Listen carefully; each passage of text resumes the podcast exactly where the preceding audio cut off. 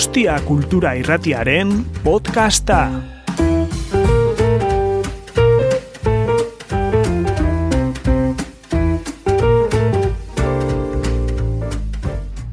Buenas tardes a todos, es que ricasco Gustio y Etorchagatic. Eh, hace una semana dimos inicio, como decía Javier, a, este, a este nuevo ciclo de conferencias organizado por el Ateneo Guipuzcoano con apoyo de Donostia Cultura, titulado Literaturas Perseguidas.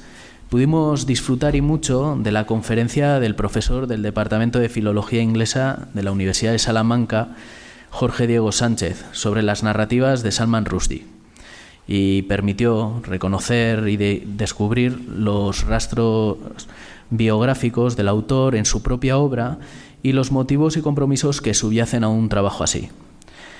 En la conferencia de hoy, Enrique Javier Bercher García nos hablará sobre el escritor ucraniano Mijail Bulgakov. Enrique estudió tanto filología hispánica como eslava. Es doctor en Ciencias de la Traducción por la Universidad de Bolonia y doctor en Filología Eslava por la Universidad de Granada. Ha desarrollado su labor docente e investigadora en Rusia, Italia y Reino Unido y en la actualidad es profesor en la Universidad Complutense de Madrid. De igual modo que la semana pasada, al, terminar daremos eh, paso a un breve coloquio. Así que, bueno, muchísimas gracias a todos por venir y Enrique, cuando quieras. Hola. Arratsaldeon, eskerrak eman nahi dizkiot Ateneo Gipuzkoanoari, itzaldi hau ematera gonbidatzeagatik, baita hemen zaudeten guztioi ere. Euskara ikasen hasi naizen arren, gazteleanara pasako naiz, neure itzaldia azteko. Bueno, como se algunas palabras, quería empezar. Eh, eh, bien, pues muchísimas, muchísimas gracias al, al, Ateneo, también a la biblioteca por el, el sitio.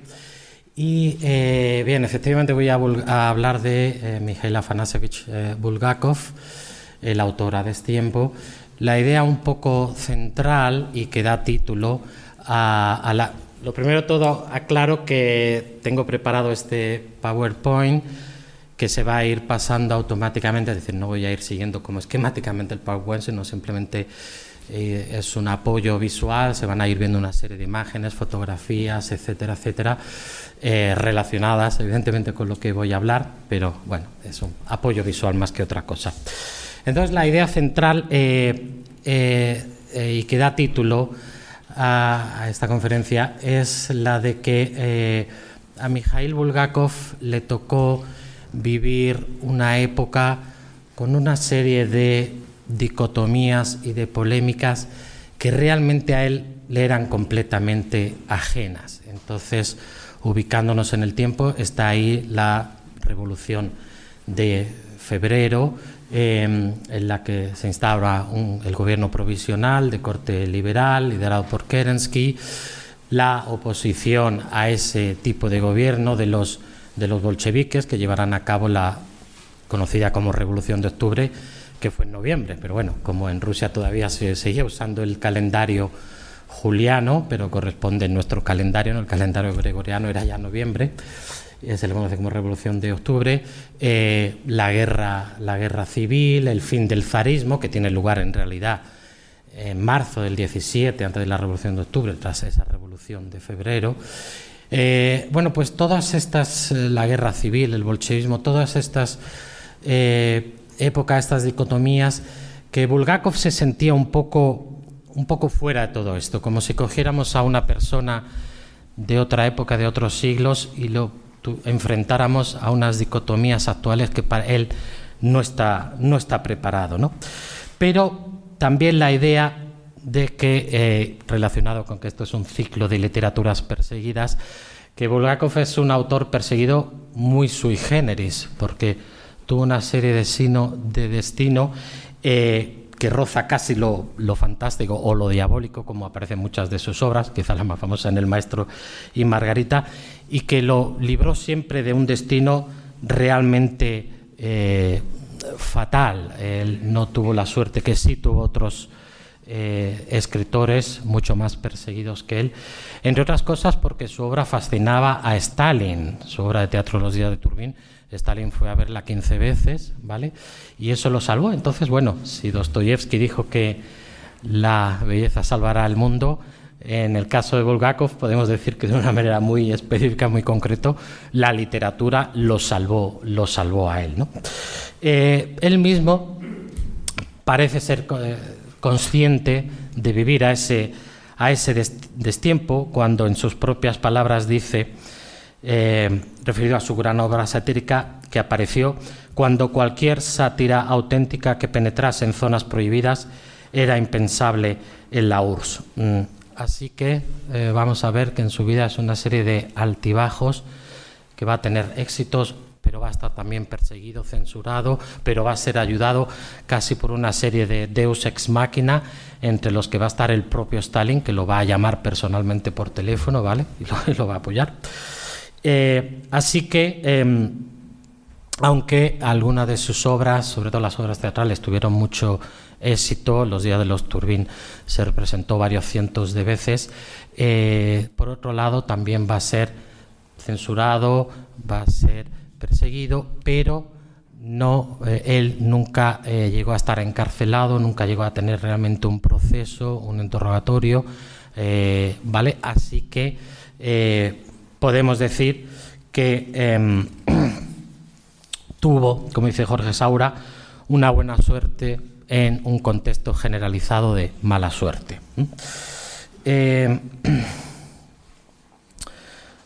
Como comentaba, en esos altibajos tenemos los días de los Turbín, que tuvo mucho éxito, que Stalin la vio 15 veces, La Isla Púrpura arrasó en su estreno, o El piso de Zoica estuvo en cartelera durante tres años. Sin embargo, también él fue relegado y sus obras quizás más famosas, El maestro y Margarita o Corazón de perro, no será hasta los años 60 que fueron, fueron publicadas. Y además, inicialmente, de manera parcial con partes, con partes censuradas. Bueno, Bulgakov se, se marca en lo que la literatura rusa se llama la edad de plata de la literatura rusa. Está ahí Anna Akhmatova, está Blok, está, ¿vale? está Mayakovsky. Em, em, y en la que la importancia de Bulgakov es tanta que, aunque suele haber consenso en que ese periodo de plata empezaría hacia finales de los años 90 del siglo XIX, pues no está claro cuándo terminaría, quizá con la revolución y el inicio de la guerra civil en 1918, pero también muchos autores eh, incluyen los años 20 precisamente por obras, por este trabajo que está llevando a cabo Volgakov y otros, bueno, también Mayakovsky, muy importante, y a veces como punto icónico del final de esta edad de plata de la literatura rusa, eh, se suele citar el suicidio de Mayakovsky en 1930. Em, con lo cual, la obra de Bulgakov se enmarca también en el pensamiento ruso de esta época y en el pensamiento ruso generalizado, y aquí me gustaría hacer algún apunte, porque lo que ha caracterizado siempre lo que podríamos llamar filosofía, que quizás sería más correcto llamar el pensamiento ruso, es un tipo de de filosofía y de pensamiento que, más allá de los grandes sistemas filosóficos de otras latitudes como Alemania, Grecia, etc., es un pensamiento muy pragmático, muy vinculado a, los problemas de la realidad social, política, histórica que le toca vivir, con lo cual es eh, este tipo de pensamiento que tradicionalmente en Rusia se conocía como Lyubomudrie, eh, de Lyubov, amor y mudra y sabiduría, es decir, una especie de calco de lo que significa filosofía, amor a la sabiduría, pero con unas características muy particulares, en las que lo estético, lo social y lo político está indisoluble, va de la mano unido. Casi no hay distinción entre, entre este tipo, entre estas áreas de pensamiento y los, en los escritos a veces tampoco se puede distinguir. No en vano muchas veces cuando se habla a veces del pensamiento ruso, el pensamiento ruso más conocido es precisamente el de escritores como Dostoyevsky, etcétera, Tolstoy, ¿no?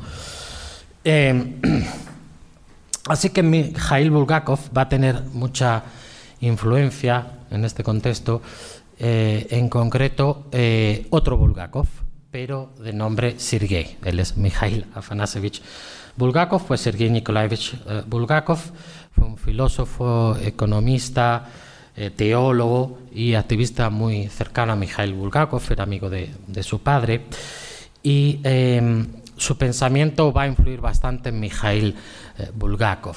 Sergei Bulgakov evolucionó desde un marxismo hacia un pensamiento profundamente religioso, tiene una obra con un título muy revelador, que es Del marxismo al idealismo, que es de 1903. Y, eh, por ejemplo, Sergei Bulgakov, para él es muy importante la idea de que entiende que la persona, aparte de ser un microcosmo en sí mismo, forma parte de una especie de organismo humano místico, ¿no? Es un todo.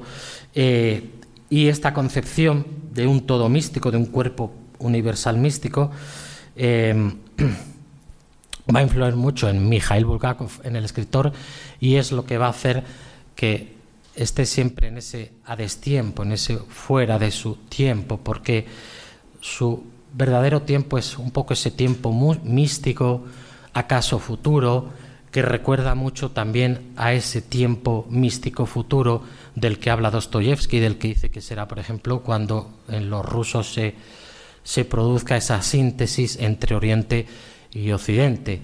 En Rusia, de siempre, uno de los debates más importantes que ha habido y que sigue en la actualidad es la idea de qué son los rusos, que son Oriente, Occidente, una cosa intermedia, eh, qué papel tiene que tener Occidente y qué relación tiene que tener Rusia con Occidente. Eh, en ese debate, pues quizá el, momento más famoso que se suele mencionar más es eh, a partir de los años 30 del siglo XIX el debate que se produce entre eslavófilos eh, que defienden que Rusia siga como su propia línea, su propia tradición para progresar y para evolucionar, pero su propia línea frente a los llamados occidentalistas que dicen que Rusia tiene que mirar a Occidente, aprender de Occidente, sobre todo se refería a todo lo relacionado con el constitucionalismo, los sistemas eh, parlamentarios, etcétera, etcétera, bueno, una economía de mercado, etcétera, etcétera. ¿no? Eh, este, esta concepción un poco del, del, cuerpo místico universal, en realidad en Rusia eh, surge con otro filósofo allí también muy importante que influyó también mucho, que es Solovyov, ¿no? Vladimir, Vladimir Solovyov. y Sergei Bulgakov, este filósofo que también va a influir mucho en Mikhail Bulgakov, para él va a ser muy importante tanto la idea de, que eh, un poco el anticristo que había predicho solo Dios que vendría sería para él los bolcheviques, ese rechazo un poco al bolchevismo que se está instaurando, como la idea de que Rusia había perdido todo patriotismo, toda autoconciencia de ser y se había convertido en una especie de cuarta dimensión, un poco fuera de lo que había sido siempre. ¿no? Eh, bueno, pues con todas estas ideas no es de extrañar que em, eh, confluyan estas ideas en Bulgakov y que se vea un poco como, como una autora de destiempo. Y es también lo que, en opinión de Elias Galaida ha producido que la vulcanología, el estudio de Bulgakov, sea muy polifónico. Para algunos, Bulgakov es un crítico de la realidad de los años 20-30 de Rusia, ya Unión Soviética, ¿no? Eh, para otros es un eh, filósofo eh, cristiano, para otros es un filósofo del hombre y la humanidad, para otros es un escritor esotérico y para otros pues un reformador de la estética, de la estética moderna. ¿no?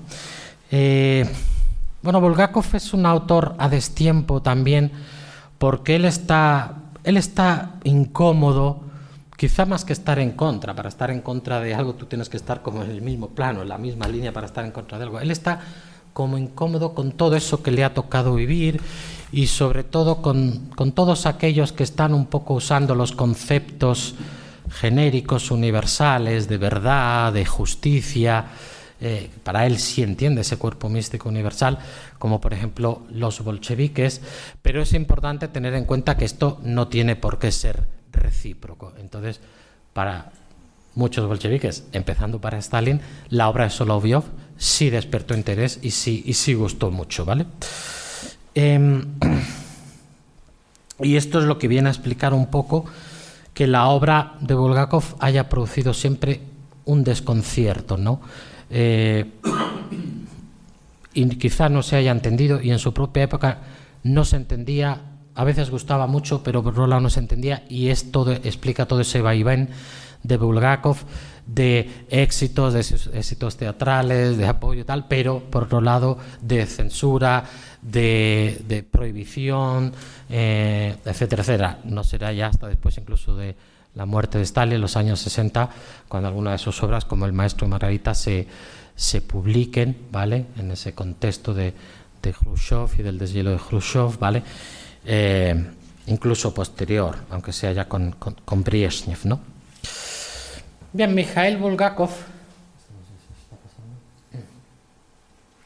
Mikhail Bulgakov nació en Kiev en 1891 y va a morir en Moscú en 1940. Es decir, estamos hablando de un ucraniano ruso o ruso-ucraniano, otro autor también a destiempo, quizá hoy en día más vigente que toda esta, esta dicotomía, ¿verdad? Con todo lo que está, con todo lo que está, lo que está pasando. Em, eh, perteneciente a una familia de eh, intelectuales muy religiosos, su padre era profesor de teología y sus dos abuelos habían sido sacerdotes ortodoxos, los sacerdotes ortodoxos, como se pueden casar y tal, pues, pues de ahí vino Mikhail Bulgakov. Y ya desde la infancia Bulgakov va a experimentar una serie de cosas, más adelante luego todos los avatares históricos que hemos mencionado, pero va a experimentar una serie de cosas que va a rozar un poco lo, fantástico, lo no ordinario, eh, como aquel niño que se suicidó pegándose un tiro en el pecho delante de él. Eh, y bueno, él va a estar muy interesado desde siempre, desde pequeño, en la literatura, aunque finalmente va a estudiar medicina. ¿no?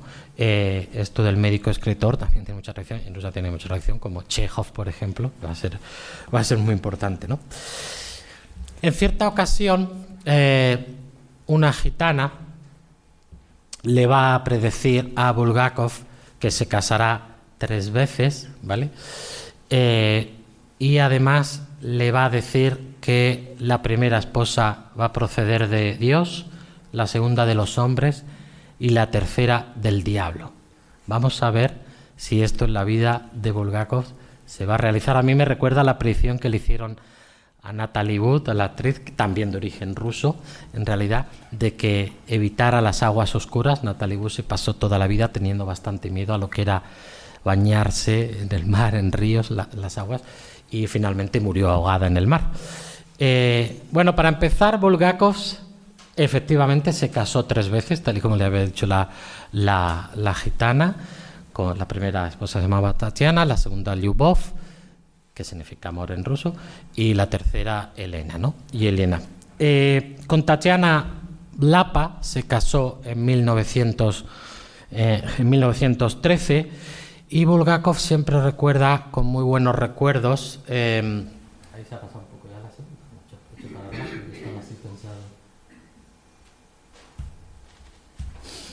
Eh, Tatiana Lapaf se casa en 1913. Bulgakov tiene muy buenos recuerdos de la casa donde estuvo viviendo con ella y esto se va a ver reflejado en El Maestro y Margarita. Entonces la casa donde están el Maestro y Margarita en la novela transmite unas sensaciones muy positivas, muy cálidas, es un lugar de refugio, de libertad y esto Bulgakov se inspiró un poco en esa casa con la que había vivido, con Tatiana Lapa. Bulgakov un día llegó y le dijo a Tatiana, divorciémonos. Y ella, creyendo que era una broma, dijo, vale. Al día siguiente fueron al registro civil y se divorciaron oficialmente, pero siguieron viviendo juntos, como, siempre, ¿no? Como casados. Hasta que ya se separaron definitivamente y em, esto como que atormentaba a Bulgakov y un día le dijo a Tatiana, Dios me castigará por ti. Esta era la esposa que la gitana había predicho que procedería de Dios.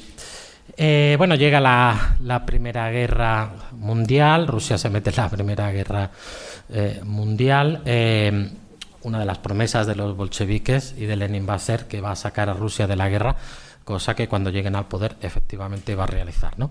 Él va a trabajar como, como médico, eh, pero no en el frente, en un hospital de Saratov, y en ese hay que imaginar que amputando piernas y brazos, etcétera, haciendo todo tipo de cosas, y en ese contexto él se va a volver adicto a la morfina, que empezó a tomar porque tratando a un niño que tenía difteria, pues la contrajo y para eh, evitar los dolores que le producía la medicación que tuvo que tomar contra la difteria, empezó a tomar morfina, también en su momento llegó a probar el opio y la, y la cocaína, eh, y mandaba a la mujer a la farmacia a conseguir farmacia, a conseguir la morfina. En cierta ocasión llegó a apuntarle con, con una pistola a la mujer porque se negaba a ir. La mujer lo que hacía es que le rebajaba la dosis con agua y al cabo de dos años eh, Bulgakov consiguió desengancharse de la, de la morfina. Eh, posteriormente, eh, bueno, llega la revolución de octubre, que fue en noviembre. en este contexto también hay que tener importancia que Rusia era y había sido siempre un país esencialmente campesino, ¿no? Había cerca del 80% de la población campesino. Esto va a hacer que realmente el movimiento con más fuerza en Rusia es el, los llamados social revolucionarios, ¿vale? O socialistas revolucionarios, que es toda la línea de defensa del campesinado, no, no realmente los bolcheviques. Cuando se produce la revolución de octubre, eh, acaban tomando los bolcheviques el Palacio de Invierno, etcétera, etcétera, etcétera. Bueno, un poco por la presión, eh, Lenin tiene que convocar unas elecciones que realmente van a ganar los socialistas revolucionarios con el 40% de los votos, pero cuando se reúne por primera vez ese parlamento que surge de, esas elecciones, pues eh, los bolcheviques armados van a tomar el parlamento donde se reúnen y van a salir huyendo los diputados y van a tomar el, poder. ¿no? Entonces se va a producir una guerra civil. La guerra civil eh, rusa, aunque se suele hablar de dos bandos, el ejército rojo, los rojos y los, y los blancos, realmente podemos hablar de cuatro bandos. ¿no? Bueno, el ejército eh, rojo, el de los bolcheviques, que es realmente el único ejército que se puede llamar como tal, organizado, etcétera, principalmente organizado por Trotsky, eh, organizado con una jerarquía, etcétera, etcétera. Luego está el bando, el movimiento de los mm, blancos, que es muy heterogéneo, que incluye ahí cosacos, incluye nacionalistas ucranianos, incluye a los eh, que querían restaurar el, zarismo, aunque el zar y toda la familia del zar, pues como sabemos, acabaría siendo ejecutada en 1918, etcétera, etcétera. Pero también está ahí el movimiento de los, de los verdes, que es toda esta línea de los social revolucionarios que comentaba antes, de la línea de defensa del campesinado, etcétera, etcétera. Y luego también en Ucrania, de donde es Bulgakov, va a ser muy, muy importante el bando llamado los negros, movimiento negro, o magnovistas, que son bueno, los anarquistas, por, por Magno un poco su, eh, su figura más prominente, los magnovistas, que van a llegar a eh, ocupar una extensión muy amplia de Ucrania y va a ser la mayor experiencia en la historia de establecimiento de eh, ideas anarquistas, ¿no? de facto. Bueno, él, eh, aunque empieza apoyando a los blancos y a los nacionalistas eh, ucranianos, eh, en un momento dado es abandonado y entonces pasa a servir al ejército, al ejército rojo. en este contexto llega el año 1900, un poco más adelante, 1925, y se casa con su segunda esposa, Lyubov Pilasierskaya bueno, eso se va un poco. Em, en ese mismo año de 1900, que es la que decía la gitana que sería la esposa que vendría de los, de los hombres, eh, ella va a publicar unas memorias de su vida junto a Bulgakov que se llama O Miel de Recuerdos. Y eh, en este año de 1925 también va a publicar su primera novela, La Guardia Blanca, eh, ambientada en estos hechos de 1918, de inicio de la guerra civil en el territorio de Ucrania, en un primer momento eh, con, el, con, el, con, el, gobierno del Hetman Skoropadsky, un gobierno pro-alemán. En ese contexto de guerra mundial con los alemanes, un gobierno pro-alemán aliado a los alemanes, cuando empieza a ver Skoropadsky que los alemanes van a perder la guerra o están perdiendo la guerra, hace un momento hay como acercamiento a Rusia y en esos vaivenes es apartado, bueno, tiene que huir y llega al poder en Ucrania eh, Petliura, ¿vale? Un nacionalista ucraniano, Petliura, pero finalmente van a triunfar los bolcheviques también en Ucrania, ¿no? Em, esta novela entonces pues narra, eh, tiene tres protagonistas principales, son tres hermanos Turbin, de la familia de los Turbin, una familia pues de intelectuales, en principio seguidores de lo que es el movimiento, el movimiento blanco. Eh, esta novela va a tener mucho, mucho éxito. Algunos críticos del momento compararon el éxito de este debut, de esta primera novela de Bulgakov, con el que tuvieron Dostoyevsky o, Tolstoy, ¿vale? Eh, y esta Guardia Blanca, esta novela de la Guardia Blanca, tiene en realidad mucho de autobiográfico. Bueno, esto ocurre mucho con la primera novela de cualquier escritor, ¿vale? Que todos empiezan metiendo mucho de su autobiografía. En esa Ucrania natal de Bulgakov van a aparecer muchos personajes, se van a, se van a inspirar en, personas reales, algunos apellidos incluso se van, se van a mantener. Y eh, pues esta novela refleja un poco eso que experimenta todo grupo social cuando, cuando su mundo se viene abajo. ¿no? En este caso, esta familia más cercana a lo que había sido el movimiento de, de los blancos. Y hay unas palabras de Alexei Turbin, uno de los personajes de la novela, que lo, que lo expresa bastante bien cuando dice, todo pasará, los sufrimientos, los tormentos, la sangre, el hambre, la peste, la espada desaparecerá pero las estrellas permanecerán cuando también las sombras de nuestros cuerpos y acciones ya no estén sobre la tierra. Eh, Bulgakov expresó muchas ideas por medio de sus personajes y esto pues no gustó, no gustó por ejemplo a la Asociación Rusa de Escritores Proletarios que creían que se presentaba un poco a los blancos de manera demasiado, demasiado positiva y eh, el problema es que a veces pues se suele atribuir a lo mejor el pensamiento del autor a lo que está diciendo un personaje y eso no siempre es correcto porque puede ser que esté expresando a un personaje con unas ideas muy concretas. Bulgakov realmente tiene unas ideas más universales, más generales. Él, él un poco eh, ataca más allá de ideas concretas a todos aquellos chaqueteros, a todos aquellos que quieren mantenerse a cualquier costa. Para él son personajes positivos aquellos que luchan por lo que, por lo que creen, aunque en este caso concreto sea incluso por tener una vida tranquila y rutinaria. ¿no? Em, sin embargo, estos personajes de la Guardia Blanca también entienden que su mundo ha llegado a su fin, que el pueblo no está con los blancos, que van a triunfar los bolcheviques, ¿no? Y ellos realmente digamos que quieren ser neutrales, quieren ser meros espectadores, no quieren que las circunstancias externas, aunque sea una guerra civil, etcétera, etcétera, les afecte a lo que ellos son y a cómo ellos quieren vivir. Y esto creo que refleja mucho lo que es Bulgakov. ¿no? Bulgakov quizá, como mencionaba al principio de todo, está en esa línea de, él querer tener una vida que las circunstancias no le están, no le están permitiendo, ¿verdad?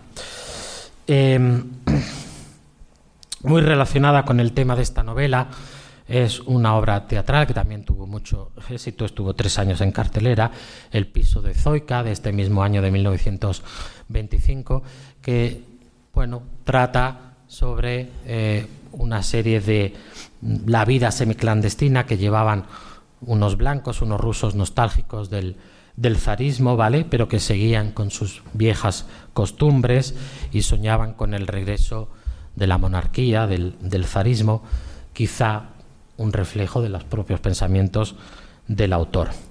Bueno, ese año mismo de, 1925, muy fructífero, llega otro de los grandes relatos, novela, novela corta de, de Bulgakov, que es Corazón de Perro. Corazón de Perro, quizá pues La Guardia Blanca, Corazón de Perro y El Maestro Margarita son las tres obras quizá más famosas o más importantes de, de Bulgakov, aunque su obra teatral es muy importante también, eh, que trata sobre un científico que coge a un perro callejero y eh, le implanta una serie de órganos humanos y digamos lo transforma en, en humano, pero este perro convertido en humano, pues es muy mal educado, tiene un lenguaje muy soez, etcétera, etcétera, bueno, y acabará convirtiéndolo otra vez de nuevo en, perro.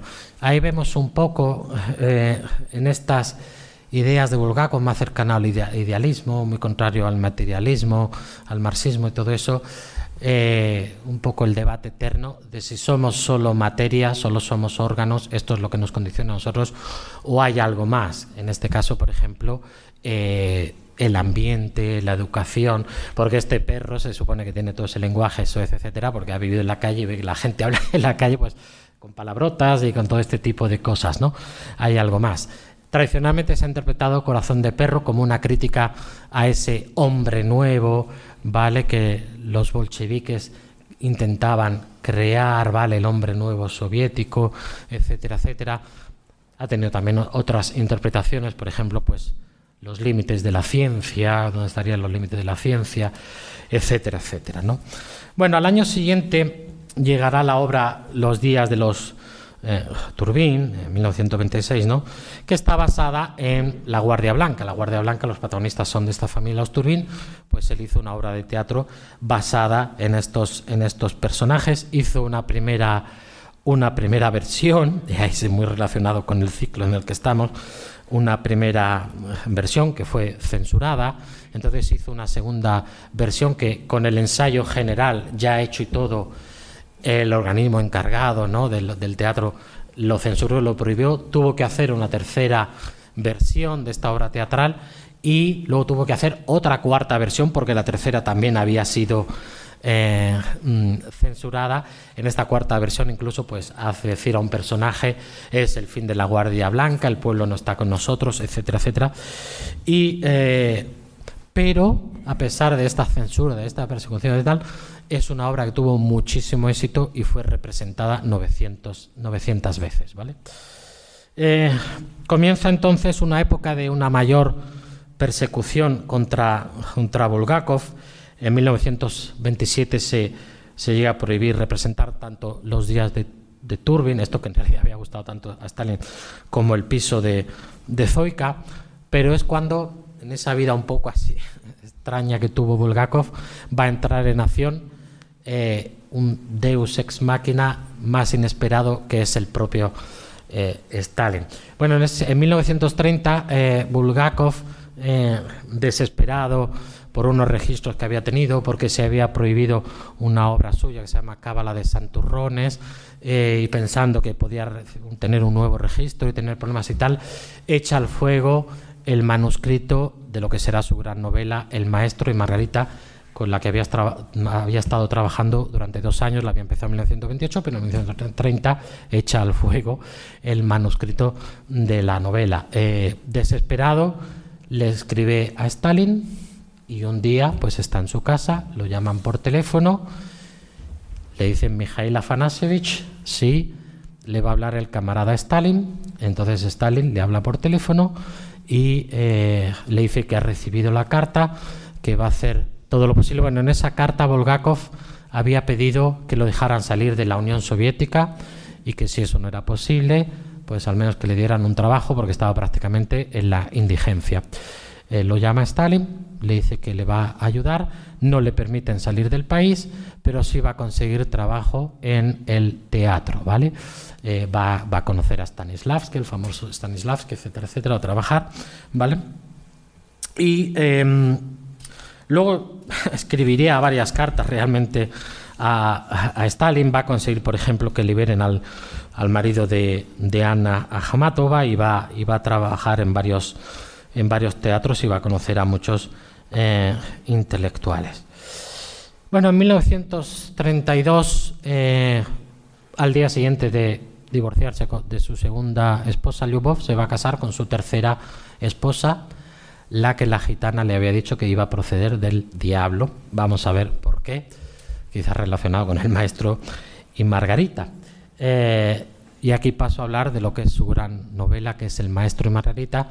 Originariamente se iba a llamar La novela del diablo y en una versión él tiene como varias versiones, vemos que la de 1930 ya ha dicho que la echó al fuego, lo tuvo con varias versiones en los años 30 y la va a terminar definitivamente en 1940, poco antes de morir, él muere en 1940. Bueno, en la versión de 1937 se va a llamar El príncipe de las tinieblas, pero finalmente va a tener eh, el título de El maestro y eh, Margarita. La novela va a tener una serie de vicisitudes, este primer manuscrito quemado, eh, no se va a permitir su publicación hasta los años 60, se va a publicar por primera vez en la Unión Soviética en el 66 y en el 67, en dos partes, ¿no? en dos números de la revista Moskva, Moscú, em, pero con partes censuradas. Lo que pasa que su esposa Elena va a difundir en forma de samizdat. Los samizdat eran eh, copias que se hacían mecanografía de obras normalmente prohibidas o algo así, se lo intercambiaba la gente, se hacía una copia mecanografiada y así se difundía obras prohibidas. Bueno, pues ella va a difundir en forma de samizdat eh, la novela entera con las partes que habían sido censuradas en la parte publicada y se va a publicar en 1967 en el extranjero, en, París, eh, la obra eh, completa. Luego, ya muy posteriormente, una investigadora llamada Marietta Chudakova mm, preparó una edición teniendo en cuenta todos los manuscritos también de los años 30, ¿vale? que no son los que había llegado a esa versión que se había publicado. Y eh, aunque en los años 80 se publica en castellano, que lo publica Maya La Casa, el maestro Margarita, luego ya más recientemente Marta Rebón, una de las grandes la autora de literatura rusa, ha publicado esa versión que hizo Chudakova de, distintos, distintos manuscritos. Eh, bueno, la novela se desarrolla en varios planos. Una de las tramas principales es eh, cómo llega a Moscú el diablo en forma humana, en forma de un profesor de magia negra llamado Volant, con su séquito en el que hay pues eh, Asaselo, un asistente llamado Asaselo también con forma humana, aunque son todos como seres malignos, un eh, gato que habla llamado Bigmot, que Bigmot en realidad en ruso significa hipopótamo, entonces un gato que se llama hipopótamo, no una de gente, y por ejemplo va a hacer un espectáculo se supone que de magia en un teatro de Moscú, en el que hay un momento que hace que caiga del techo eh, billetes, la gente empieza a coger los billetes, también hace aparecer en el escenario como una boutique de, ropa de moda parisina y empiezan a salir así la gente a coger los, los vestidos, pero cuando salen del teatro desaparece todo y la gente está como desnuda en ropa interior porque los vestidos han desaparecido, los billetes además también van a ir desapareciendo, ¿no? Eh, un segundo, una segunda trama, un segundo plano es el del maestro Marita. El maestro es un escritor un poco desencantado porque le han negado la publicación de una novela que ha escrito sobre Poncio Pilato y Margarita, una mujer que se enamora de él y le va a estar ayudando y va a llegar a hacer, digamos, un pacto con este diablo, con Satán, que se llama Volant en la, en la novela, convertirse en una especie de bruja y de reina de, las fuerzas eh, malignas y va a ayudar al, maestro y van a acabar juntos en una especie de plano un poco místico, ¿no? especial. Y luego un tercer plano o una tercera plan, estos son el maestro Margarita, eh, en la versión de la serie de Vladimir Bortko, em, un tercer plano que es esa novela que ha escrito el maestro sobre Poncio Pilato eh, y que se va intercalando a lo largo de la novela. Así que, bueno, pues un poco lo fantástico y lo disparatado está en esa novela que Zarietska define como fusión de realismo metafísico con realismo, em, con realismo terrenal, ¿vale? Eh, es una obra llena de ironía y de crítica social y política a todos los sectores, también llena de fantasía, pero un poco en esa fantasía entenderlo en todas las ideas que he comentado sobre, sobre Bulgakov y eh, seguramente el carácter de la novela podría definirse con las palabras de uno de los escritores más admirados de Bulgakov, Saltykov Shedrin, que dijo: Existen milagros en los que, si se lleva a cabo una observación detenida, se podrá encontrar una muy clara base real. Así es, por ejemplo, pues eh, esta escena, por ejemplo, del público que va y coge los vestidos parisinos que luego desaparecen, pues hay una base real en esa vanidad de la gente, en ese llevarse por las modas, etcétera, etcétera, ¿no? O sea, al final, eh, en la vida nos encontramos con cosas que aunque aquí está todo así como muy fantástico y muy diabólico, pues tiene una base, una base, una base real. La novela se abre con una escena muy curiosa y es eh, la de dos hombres eh, que están pues comentando uno comentando al otro que en realidad Jesús nunca existió, que es una mención, entonces se le aparece el diablo para decirle que Jesús sí, existió, ¿no? Entonces, eh, y es este un poco este desconcierto que, que produce la novela, de, Bulgakov es un diablo, pero, pero no es un diablo realmente fuente de maldades, sino más bien una especie de notario que sí pone un poco la tentación al alcance de la gente, pero al final es la gente misma la que comete sus maldades, la que tiene sus defectos, la que se está buscando sus, sus castigos, ¿vale? Em, con lo cual, eh, eh, en esas tres tramas vemos un poco como tres mundos un primer mundo es de esa novela de Poncio Pilato, en la que aparece un personaje que es Yeshua Ganotzri. Bueno, se supone que es, que es, que es Jesús, pero es un Jesús, no es el Jesús de los evangelios. Ahí vemos una reformulación literaria, no es ni una exégesis eh, de los evangelios, teología del evangelio así, tampoco es una especie de presentación del Jesús humano, que también luego en esa época, a partir de esa época empezó a tener mucha, mucha importancia el estudio del Jesús, pero del Jesús humano, más allá de lo teológico, sino que es un personaje literario, es una reformulación literaria. Y este Yeshua Ganosri es un poco la bondad, la bondad absoluta. Él le dice a Poncio Pilato que no existen las personas malas, entonces Poncio Pilato, pues, bueno, se sonríe y le dice, bueno, y entonces el centurión Marco, que es uno que le ha pegado una paliza con un látigo, dice, también es bueno, y dice, y dice Yeshua que por supuesto que sí, solo que el destino lo ha endurecido, lo ha puesto, lo ha puesto malo, ¿no? Em,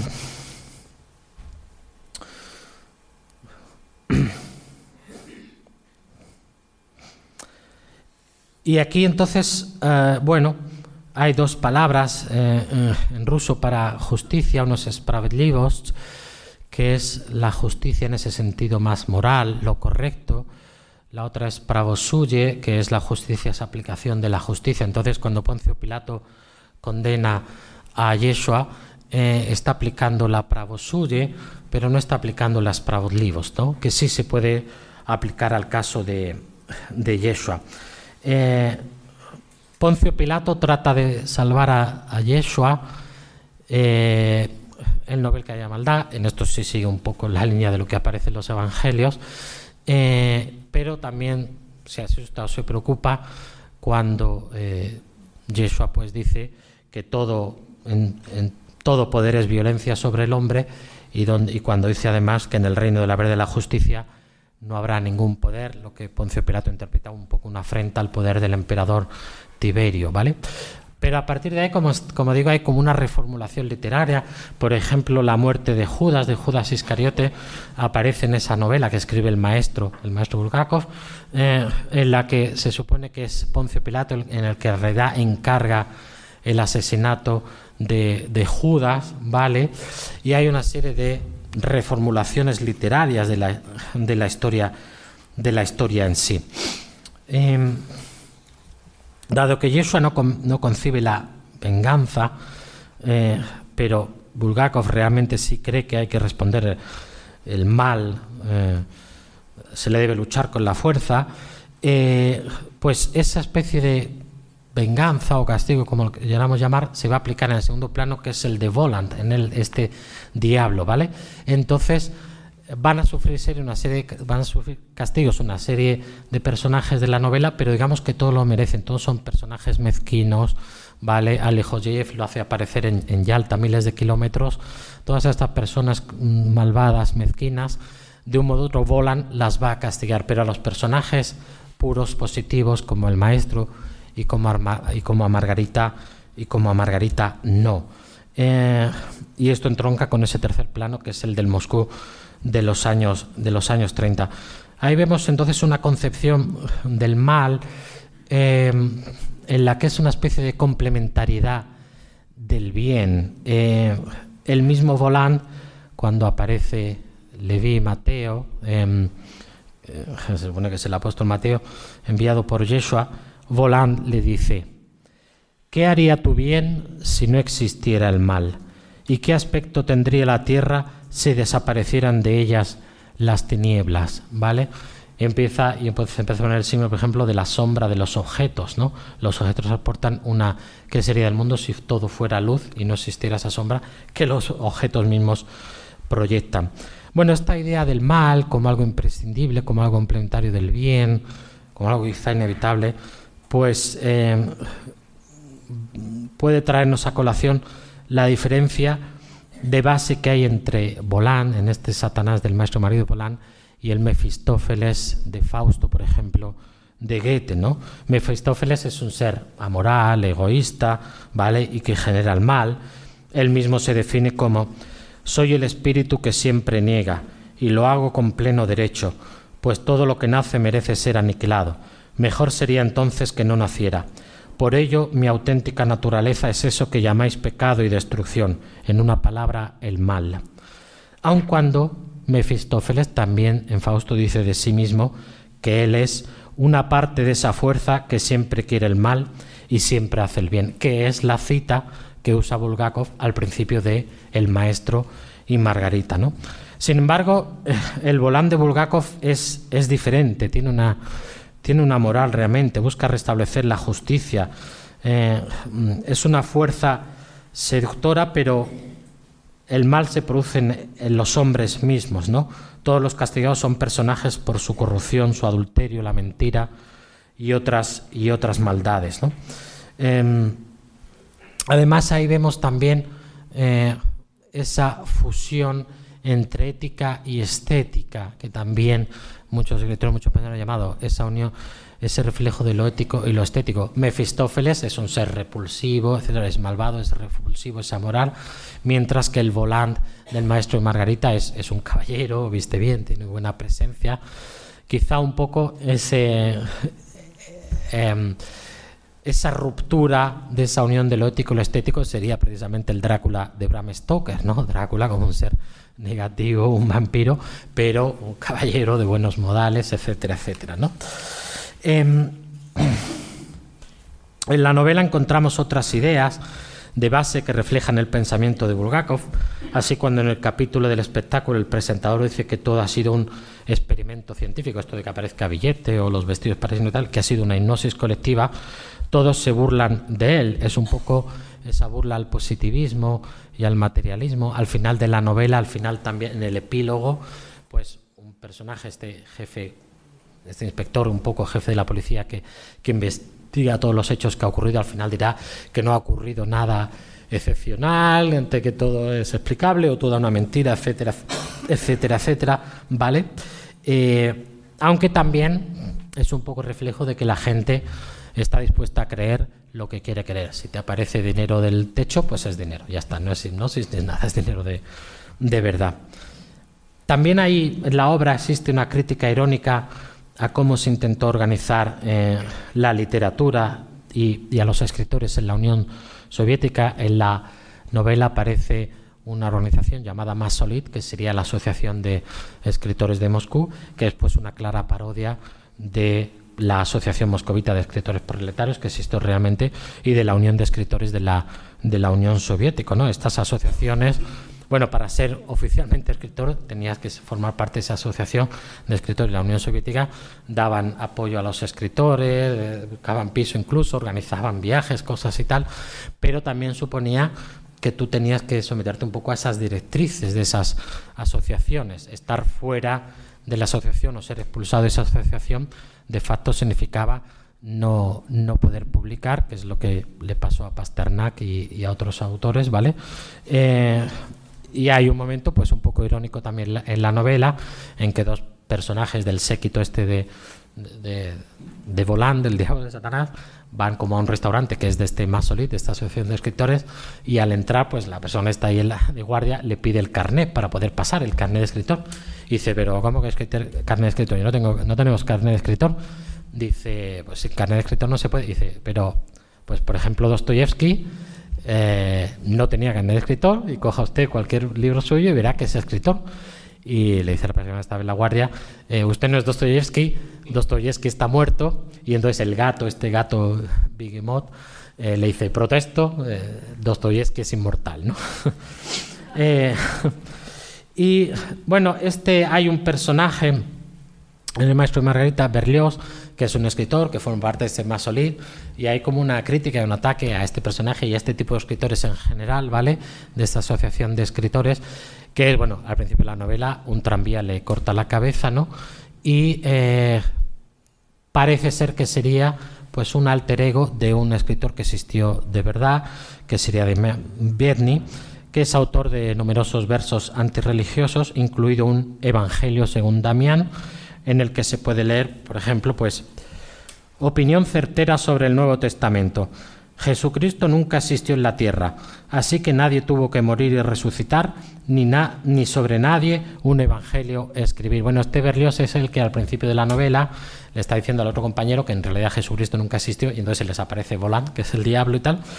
Y eh, bueno, este paralelismo Berlioz de Biedny estaría confirmado por el hecho de que entre los archivos de Bulgakov se encontró un poema titulado Epístola al evangelista Demian de Nikolai Gorbachev, en el que ataca a este Demian Biedny por sus versos antirreligiosos. ¿no? Em, también, eh, probablemente, pues en Bulgakov, eh, esta concepción de los escritores, de la Unión de Escritores, de la Unión Soviética y tal, seguramente influyó mucho Trubetskoy, el famoso Trubetskoy en el ámbito de la lingüística, todo eso muy famoso, pero bueno, también eh, literato, filósofo, para el que estos escritores de la Unión de Escritores, etcétera, etcétera, em, no podían ser auténticos escritores porque su obra estaba basada en la destrucción y en la negación, mientras que el auténtico escritor tiene una literatura, tiene que tener algo de creación y de fundación, ¿no? Y bueno, él lo relaciona con esa pérdida un poco de la, de la fe y de sus vínculos más tradicionales con la Rusia, con la Rusia tradicional, ¿no? Eh, hay presente algo de crítica política, hay un cierto paralelismo entre Volán y Stalin, o el vecino de Margarita a veces se le ha, se le ha querido eh, ver como un alter ego de Bukharin, un político que defendió la NEP, la nueva política económica de Lenin, eh, y que acabaría siendo ejecutado por Stalin en 1938. Y como no puede ser de otra manera, pues el amor. El amor está muy presente en esta historia de amor entre el maestro y Margarita, que es muy influenciado por ideas como las de Solovyov o, Florensky. El amor eh, que se basa en el sacrificio propio, el amor que a través del sacrificio propio eh, se duplica, duplica la persona en la figura del, del otro, ¿vale? Y que es por tanto lo convierte en una persona eh, renovada. Es el amor que vemos en Margarita, es el amor que salva, es cuando ella le dice al maestro, yo te salvaré, yo te salvaré. ¿no? bueno, eh, fue Elena, eh, esta tercera esposa de Bulgakov, la que se encargó de mecanografiar y publicar El maestro Margarita, esta novela del diablo, ella, que es la esposa que la gitana le dijo que vendría del diablo, muy relacionada. La que lo consiguió, Mikhail Bulgakov, pasó sus últimos años eh, muy enfermo, con crisis nerviosas y neurastenia. Eh, llegó a perder la vista y en el último mes de vida llegó incluso a no comer. Eh, parece ser que sus últimas palabras fueron Don Quijote. Bulgakov había hecho una adaptación teatral de, de Don Quijote y le pidió a su mujer que publicara como fuera su novela de El maestro y Margarita, que había terminado poquísimo antes, poquísimo antes de, morir. Bien, pues Bulgakov decía que un escritor sin libertad era como un pez sin agua y aunque lo tocó vivir uno de los periodos con menos libertad en la historia de Rusia, lo superó. Ahora, como afamado escritor, vive en ese tiempo místico que preconizaba, ahora es inmortal y, como dice una de sus frases, más famosa, el maestro y Margarita, los manuscritos no arden, que es lo que le dice Volant al maestro, pues ahora como eh, escritor eterno, sus manuscritos no han ardido. Muchas gracias.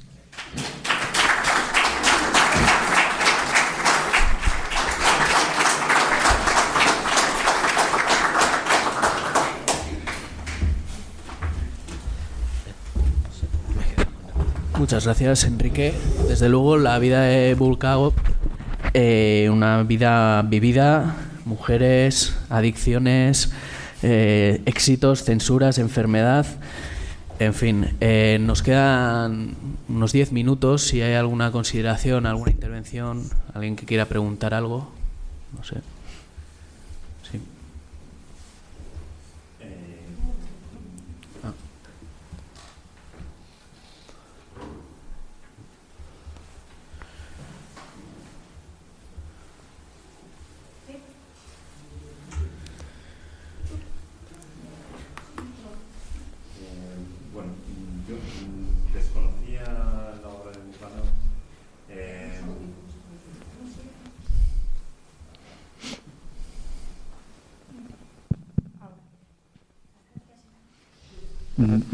Pero es simplemente eh, que me dé una opinión, no tanto literaria, sino filosófica. ¿no? Eh, sí que eh, soy consciente de que desde Archipiélago Gulag, desde Aren sobre la revolución, efectivamente hay una crítica mordaz al hombre nuevo socialista, que también está en el autor que usted cita.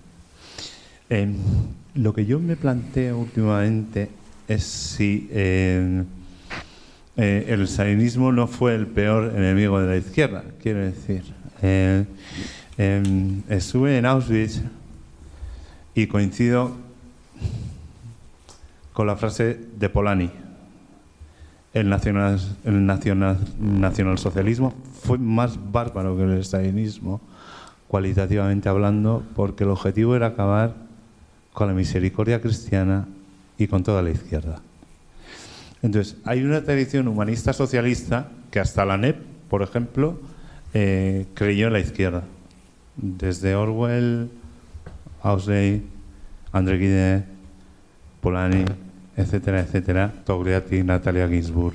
Es que se podría citar en Occidente, mm, ahí el rosario es tan amplio. Eh, mm, quiero decir, mm, no, no se está sobrevalorando lo que fue la Unión Soviética y mm, se está tapando de alguna manera eh, otras tradiciones humanistas que sí convergen con el socialismo. Eh, es una opinión, quiero decir, no la tiene por qué contestar, pero claro, como me la preguntan los críos y yo no sé contestarles muy bien, eh, necesito su opinión. Sí, eh, bueno, eh, es verdad que lo que se llama izquierda, decimos la izquierda, y ahí estamos metiendo una cantidad de, de, cosas y de líneas muy diferentes, tremendas. Entonces, realmente hay la Unión Soviética, es verdad que fue una línea bastante concreta, ¿vale? Eh, el bolchevismo, entonces, basado en ese marxismo, ¿vale? El materialismo dialéctico, el marxismo y eh, la figura de Lenin que viene a eh, adaptar realmente algunas de las ideas de, Marx, por ejemplo, pues para Marx esa evolución hacia el Estado socialista era algo que, que, casi va a venir de suyo, casi inevitablemente, por la propia evolución de las estructuras de producción y mm, por tanto se va a pasar se pasaba de un sistema eh, feudal eh, a uno capitalista y la propia evolución, las propias contradicciones internas de ese capitalismo va inevitablemente a llevar al eh, socialismo. En Rusia no existía realmente un capitalismo desarrollado, era un país muy poco industrializado, era un país esencialmente campesino, lo mencionaba antes, entonces frente a los mencheviques, por ejemplo, que van a defender que Rusia debía desarrollar primero ese estadio de capitalismo pleno para poder pasar al, socialismo y que por tanto los eh, socialistas, comunistas, pero se llamaba, mismo el partido se llamaba Partido Obrero Socialdemócrata, ¿no? de Rusia, tienen que ser incluso aliados de los liberales, de los burgueses, para que se desarrolle plenamente el capitalismo, para poder pasar al socialismo, pues los bolcheviques de Lenin van a defender que no hace falta pasar por ese estadio intermedio y bueno, pues toda una serie de eh, adaptaciones. Entonces, lo tenemos en la Unión Soviética, es una cosa bastante concreta, ¿vale? Un estatalismo muy antirreligioso, por ejemplo, sobre todo en, su fase inicial, evidentemente, etcétera, etcétera, etcétera, con unas características muy concretas. Hay otras corrientes, han existido otras corrientes que las podemos llamar si, si queremos izquierda o la podemos llamar simplemente otras corrientes eh, más de corte como el anarquismo de, de, Bakunin, ¿vale? o el anarcosindicalismo de... Mm, em, ¿cómo se llama? Este, bueno, el anarcosindicalismo también de un ruso, ¿vale? Em, eh, el socialismo utópico, eh, el social revolucionario eh, que se dio en, la, en, Rusia, ¿vale? Que fue mayoritario, apoyado mayoritariamente. Y bueno, con respecto a esa espiritualidad, pues pues sí, efectivamente, lo que pasa es que el zarismo se había anquilosado tanto, ¿vale? Se había fosilizado tanto eh, que, por ejemplo, los religiosos estaban muy unidos al zarismo, ¿vale? Ah, era difícil desarrollar otra cosa. Entonces, los poquísimos intentos que ha habido en Rusia de, por ejemplo, que era un sistema más de corte liberal, parlamentario, constitucional, etcétera, ha sido prácticamente inexistente. Está el de los decembristas de 1825, que fue aplastado sobre el día y tal, y, luego más o menos en 1915, en 1905 y en, 1900, y en febrero, la revolución está en febrero de 1917, eh, pero poco más. Y si a lo mejor esa línea más liberal fuera la que hubiera realmente derribado, bueno, se puede entender que derribó al zarismo, porque realmente deja de existir zar, el zar dimite tras la revolución de febrero, la liberal, ¿vale? Eh, pues ahí quizás se podría haber desarrollado otra línea más, otra línea más, por ejemplo, la línea de, de la socialdemocracia actual, ¿vale? Occidental, etcétera, etcétera.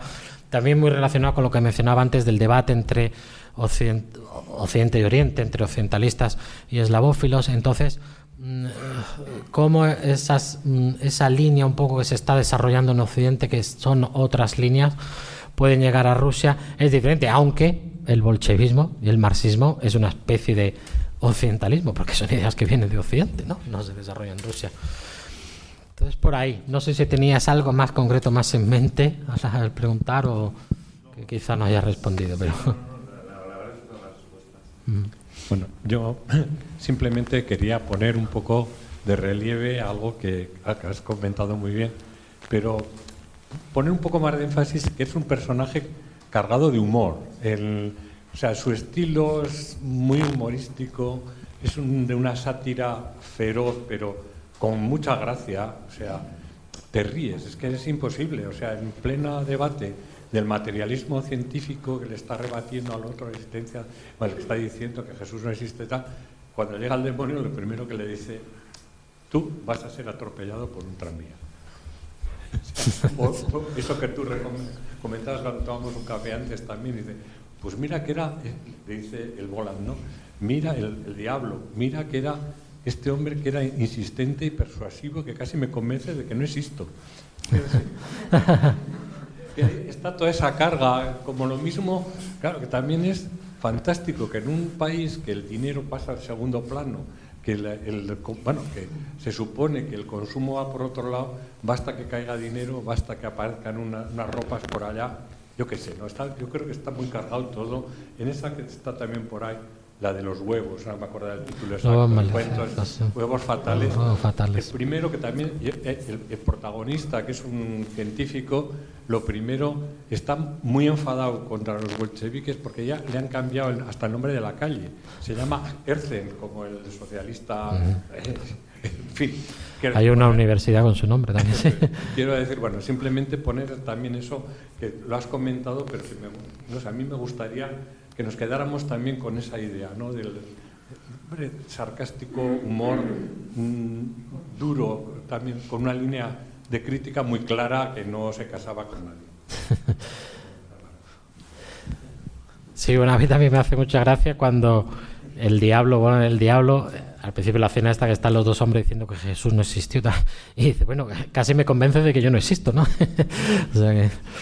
Y, y sí, tan- tanto todos los científicos lo hemos visto en Corazón de Perro, lo- ¿no? los huevos fatales y tal, como un poco lo diabólico, lo fantástico estaba muy presente en Bulgakov, pero tiene mucho tono, es verdad, mucho tono irónico y por tanto de, de humor. Quizá hay algo de Don Quijote ahí, ahí presente. Hizo esa adaptación de Don Quijote, en el Maestro Margarita se menciona Don Quijote, y en Rusia Don Quijote fue muy es uno de los países que, o sea, Don Quijote es tan importante a nivel mundial, entre otras cosas, por todos los autores rusos y por Rusia, ¿no? Entre otras cosas. Pero entonces hay, hay mucho eso de burlarse un poco de la sociedad, sí, hay mucha ironía, sí. Bueno, pues sí, una última intervención. Sí, buenas tardes. Quería incidir en, el humor, la ironía, ¿no? No solamente los juegos fatales, sino Maleficio, que es otra obra aparentemente menor, pero de un humor, de una, de una dureza a la vez, de una acritud tremenda con el régimen, con el sistema, que otros escritores socialistas, eh, bueno, de la, del lado socialista, acabarían de alguna forma reivindicando. Recuerdo ahora mismo Cartarescu, por ejemplo, alguna obra suya, Las Bellas Extranjeras, de alguna manera, Antrax, que es un relato también breve, recuerda muchísimo a los huevos fatales, ¿no? O incluso Maleficio, con ese humor tan, tan despiadado y a, la, y a la vez tan, tan divertido, donde uno se ríe a carcajadas. No es que haya ironía, sino risa pura y dura, Sí. ¿no? Y muy interesante sobre todo las alusiones a Soloviov, que es un filósofo o un escritor muy, muy, muy interesante. Que por cierto hay una película, no sé si la conocen, Malkroj, hecha por un rumano que se llama Cristi Puyu. No. Es una película magnífica que en tres horas, en tres horas de película, se debaten las ideas de Soloviov. En un espacio cerrado, cinco personas hablan sobre el pensamiento. Y es muy interesante cómo eh, eh, directores o escritores posteriores, de alguna forma, reivindican o aprovechan esa estela de, de gente como Bulgakov. Gracias.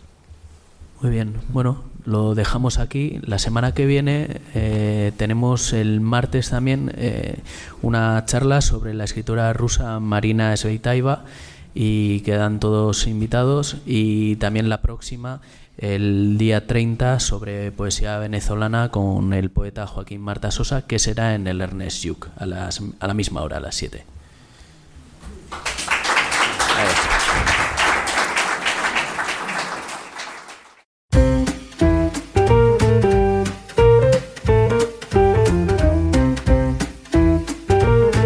Donostia Kultura Irratiaren podcasta.